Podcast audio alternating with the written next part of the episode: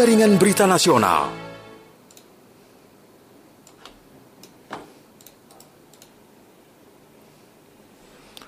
Selanjutnya pendengar bersama Pro 3 RRI kami hadirkan dialog layanan kesehatan COVID-19 kerjasama FKUI dan Radio Republik Indonesia dengan tema program vaksinasi HPV untuk anak aman dan pentingkah. Indonesia Menyapa Pagi.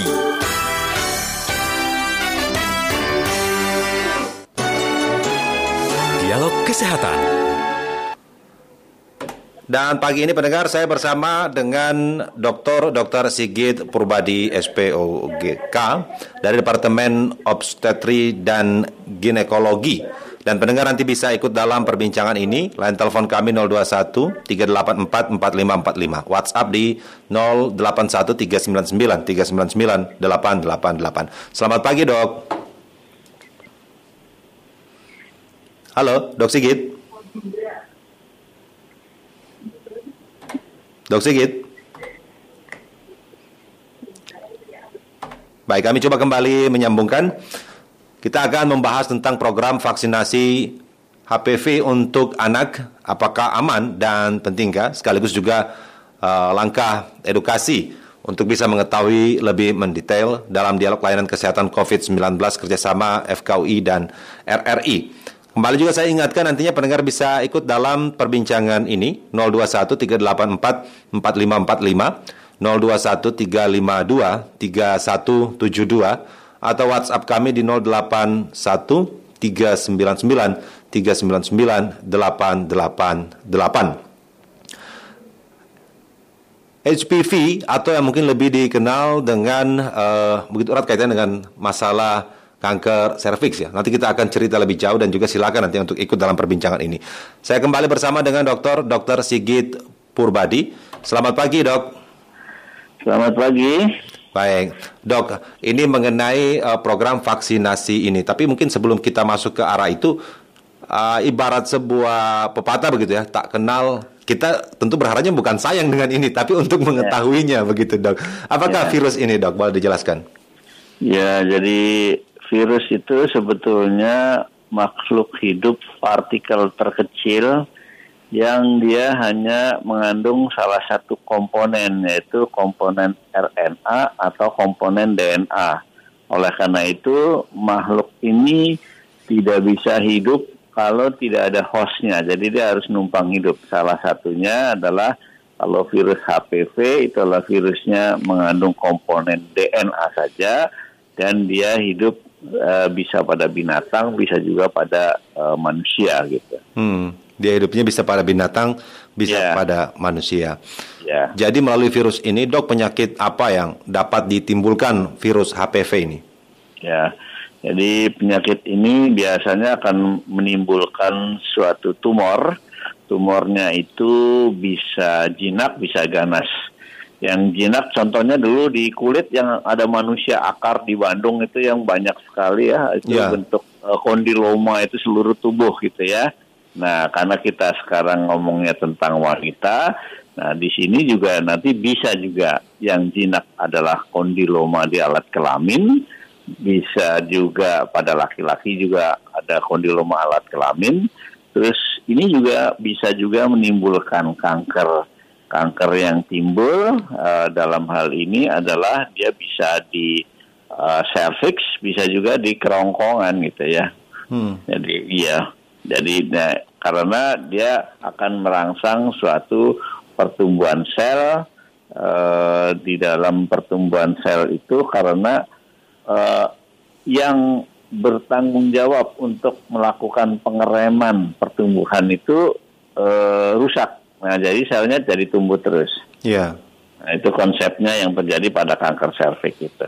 Nah, kalau demikian studi kasusnya, dok, biasa kita dengar itu di eh, wanita-wanita dewasa. Tapi kalau untuk pemberian vaksinasi virus HPV ini yang diberikan kepada anak usia sekolah, mengapa harus demikian begitu, dok? Ya, jadi seperti kita ketahui bahwa proses vaksinasi adalah proses menghasilkan antibodi. Nah, kalau kita mulai dari anak sekolah, kita tahu bahwa pabrik antibodi yang terbaik itu adalah pada usia muda. Dan konsep melakukan pencegahan itu adalah sedia payung sebelum hujan. Jadi sudah sedia antibodinya dulu Yeah. sebelum dia terpapar seksual. Nah, itu yang mendasari bahwa konsep vaksinasi sebaiknya pada usia muda 9 tahun ya sudah eh, nanti ya, sebelum usia 15 tahun sudah eh, mendapatkan eh, antibodi yang cukup ya sehingga kalau toh ada dia terpapar dengan virus HPV dia bisa attack gitu karena secara natural tidak mempunyai antibodi terhadap HPV di permukaan serviks itu sendiri. Iya. Itu konsepnya ya. Hmm. Tapi dok uh, bisa terjangkitnya virus ini kontak langsung berarti begitu ya? Ya betul kontak langsung baik itu eh, secara hubungan seksual maupun bisa juga eh, alat gitu ya. Alat itu bisa juga juga alat namanya sex toys ya. Jadi eh, ada juga di alat yang dipakai untuk memeriksa ya. Jadi nah itu intinya kontak adalah itu. Bisa juga dengan eh, digital tangan gitu ya. Ya. jadi medianya selalu kontak. Hmm, baik. Diskusi kita ini adalah untuk uh, segi edukasinya dan pendengar juga nanti silakan ikut di WhatsApp ataupun juga melalui line telepon kami. Dok, apakah vaksin HPV ini beris, uh, berisi virus HPV itu juga? Eh, bukan. Bukan ya? Jadi ya dia merupakan partikel seperti virus, virus like particle. Nah, oleh karena itu dia hanya ada cangkang virusnya saja. Nah, jadi tubuhnya dibohongin, dikira itu virus betulan, padahal itu cangkangnya saja. Itu sebabnya bahwa eh, pemberian ini bisa diberikan kepada siapa saja karena itu sebenarnya cangkang virus kosong sintetik. Nah, tapi tubuh tidak mengerti itu. Yang penting dia adalah komponennya sama dengan virus aslinya sehingga kalau diberikan dalam tubuh maka pabrik antibodinya akan segera membuat antibodi di dalam darah oleh sel B dan sel plasma kemudian dikirim ke serviks sehingga kadar antibodinya di dalam serviks itu cukup tinggi. Hmm, baik. Tapi dok, kalau mungkin kayak kalau kayak COVID-19 kan kita tahu ada kayak macam-macam tuh AstraZeneca, Pfizer, eh, Sinovac. Kalau untuk jenis eh, vaksin HPV ini, apakah memang ada eh, jenis-jenis vaksinnya juga begitu? Ya, dia hanya eh, dua company yang membuat ya. Dia yang dulu membuat adalah ada eh, dari eh, GlaxoSmithKline yang saat ini yang lainnya lagi adalah dari MSD. Jadi Ya. hanya, hanya ada dua eh, industri farmasi yang membuat vaksin ini. Hmm. Terus kemudian eh, sebagian ada yang manufacturingnya oleh eh, Bio Farma gitu ya. Jadi ada ada yang dari Indonesia tapi dia tidak membuat sendiri, cuma manufacturing ada. Cuma manufacturing ya dok ya? Ya, ya. Nah dok, eh, berapa kali mungkin begitu perlu disuntikan vaksin ini, ini dan sampai pada range usia berapa begitu dok? Ya, eh, sebelumnya adalah eh, dua kali yang asli ya, yang asli dulu diberikan tiga kali tanpa mengenal usia. Yang asli? Kemudian, iya yang asli. Terus kemudian dia eh, berkembang lebih lanjut. Ada hal-hal tertentu yang tidak menyelesaikan vaksin, tapi dia protected sehingga dan itu kelompoknya pada usia muda. Sehingga lahirlah kebijakan bahwa di bawah usia 15 tahun diberikan dua dosis. Nah, kemudian saat ini sudah sudah mulai ada beberapa penelitian yang diberikan satu dosis. Ya, nah itu sebabnya bahwa pemerintah Indonesia nantinya sudah menyiapkan perangkatnya akan melakukan kebijakan satu dosis. Nanti kita tinggal melakukan evaluasi. Tentu setiap kali kita melakukan intervensi, maka kita akan lihat eh, data epidemiologi ke depannya. Hmm, setiap melakukannya Ya. intervensi akan melihat juga by datanya Ya. begitu ya dok ya? Ya, Tapi dok, apakah ada kayak mungkin semacam kontradiksi tertentu begitu untuk pemberian vaksin HPV ini? Ya, ti- tidak ada kontraindikasi eh, kecuali yang harus hati-hati adalah pada pasien-pasien dengan hipersensitif. Ya. Ya, misalnya pada orang yang memiliki penyakit autoimun. Itu Yang- bukan iya, itu bukan merupakan suatu kontraindikasi, tapi universal precaution kehati-hatian. Saya ambil contoh misalnya autoimun tapi imunnya rusak pada orang yang eh, dia eh, AIDS atau HIV Ya. itu pun tidak merupakan kontraindikasi karena virus ini adalah kosong hanya saja kita tahu bahwa antibodi yang dibangun itu tidak bisa sebaik yang orang normal karena sel B dan sel plasmanya itu sendiri adalah tidak berfungsi dengan baik. Baik. Dok, kita coba dengar pertanyaan dari masyarakat Indonesia, pendengar RRI, Pak Udin yang ada di Boyolali. Halo Pak Udin. Selamat pagi, Assalamualaikum warahmatullahi wabarakatuh. Waalaikumsalam. Silakan Pak Udin pertanyaannya. Bapak Psikiatri. Uh, umumnya penyakit kanker cervix itu dialami oleh orang seperti apa, Pak? Orang yang antibodinya turun atau keturunan atau seperti apa? Oke. Ya. Terima Ya, kasih, Pak Udin. Ya, terima kasih Pak Udin. Pertanyaannya bagus. Jadi semua eh, wanita yang menderita kanker serviks adalah wanita yang sudah pernah berhubungan, menikah atau tidak menikah, gitu ya. Nah, yang resikonya lebih tinggi adalah yang eh, berganti pasangan, apakah wanitanya ataukah prianya. Tapi bukan berarti bahwa yang setia itu tidak terkena gitu ya. Nah, oleh karena itu prinsipnya sekarang yang digerakkan adalah eh, pencegahan ya. Nah, pencegahannya yang sedang dibahas di sini adalah pencegahan primer melalui vaksin karena ada pencegahan sekunder melalui deteksi dini dan pap smear gitu. Hmm.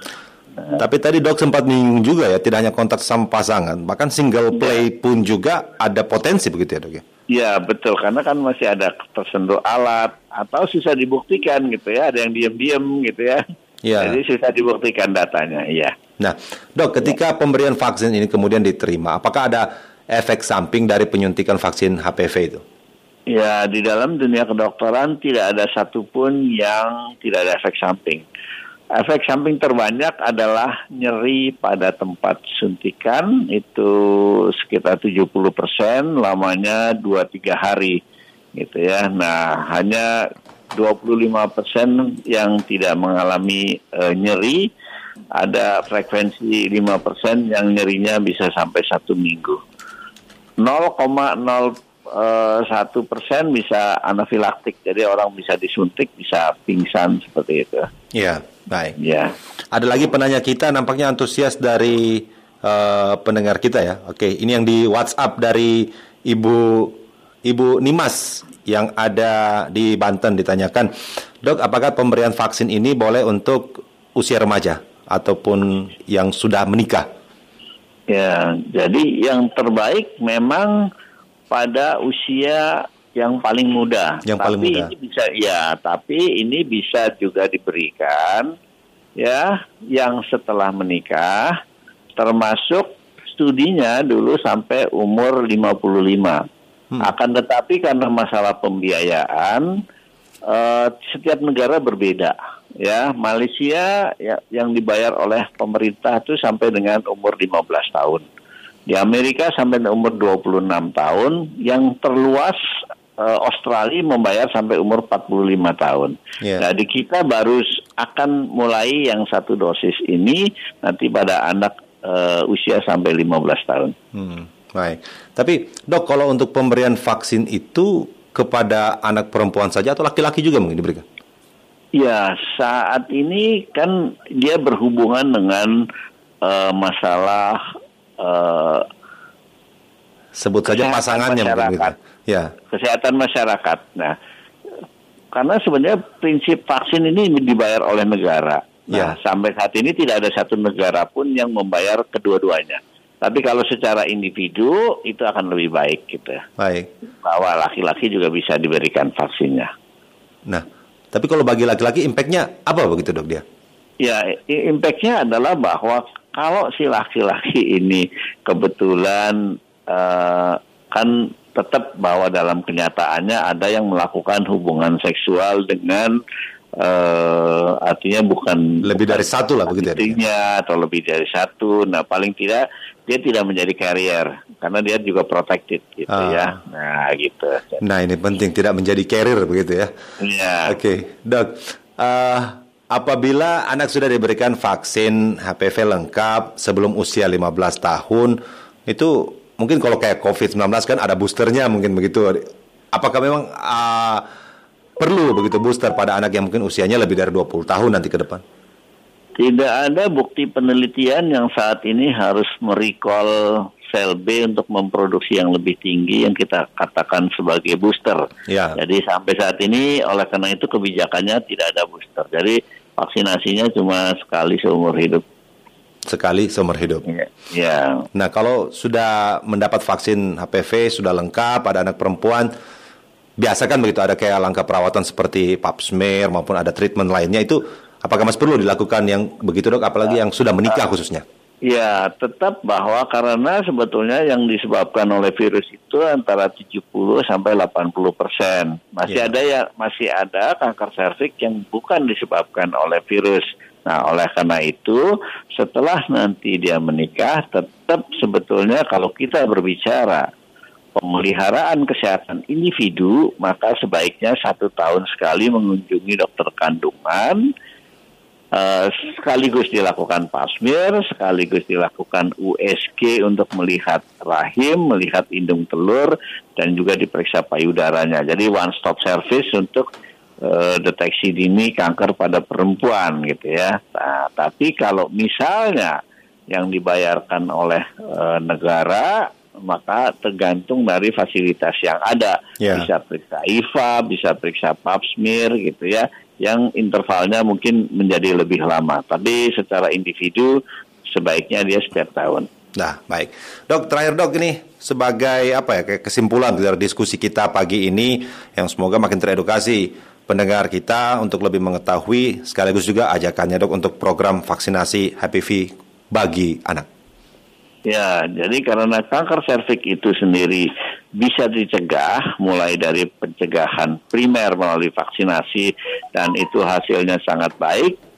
Dan vaksin kanker serviks itu sendiri bukan berasal dari virus tapi partikel seperti virus. Maka sebaiknya bahwa masyarakat adalah bisa menerima keberadaan vaksin yang dilakukan di sekolah-sekolah vaksin ini tidak akan mengganggu kesuburan, tidak akan menyebabkan kemandual, kemandulan, tidak akan menyebabkan gangguan haid. Jadi vaksin ini adalah sangat baik ya dari secara pribadi untuk melindungi eh, anak-anak yang nantinya akan menjadi eh, ibu ya dari suatu kanker serviks. Baik, dok terima kasih pagi eh, waktunya pagi ini dalam diskusi kita dok. Terima kasih sekali lagi dok. Terima kasih ya. Demikianlah pendengar dialog layanan kesehatan COVID-19 kerjasama FKUI dan RRI bersama dengan Dr. Dr. Sigit Purbadi SPOGK Departemen Obstetri dan Ginekologi.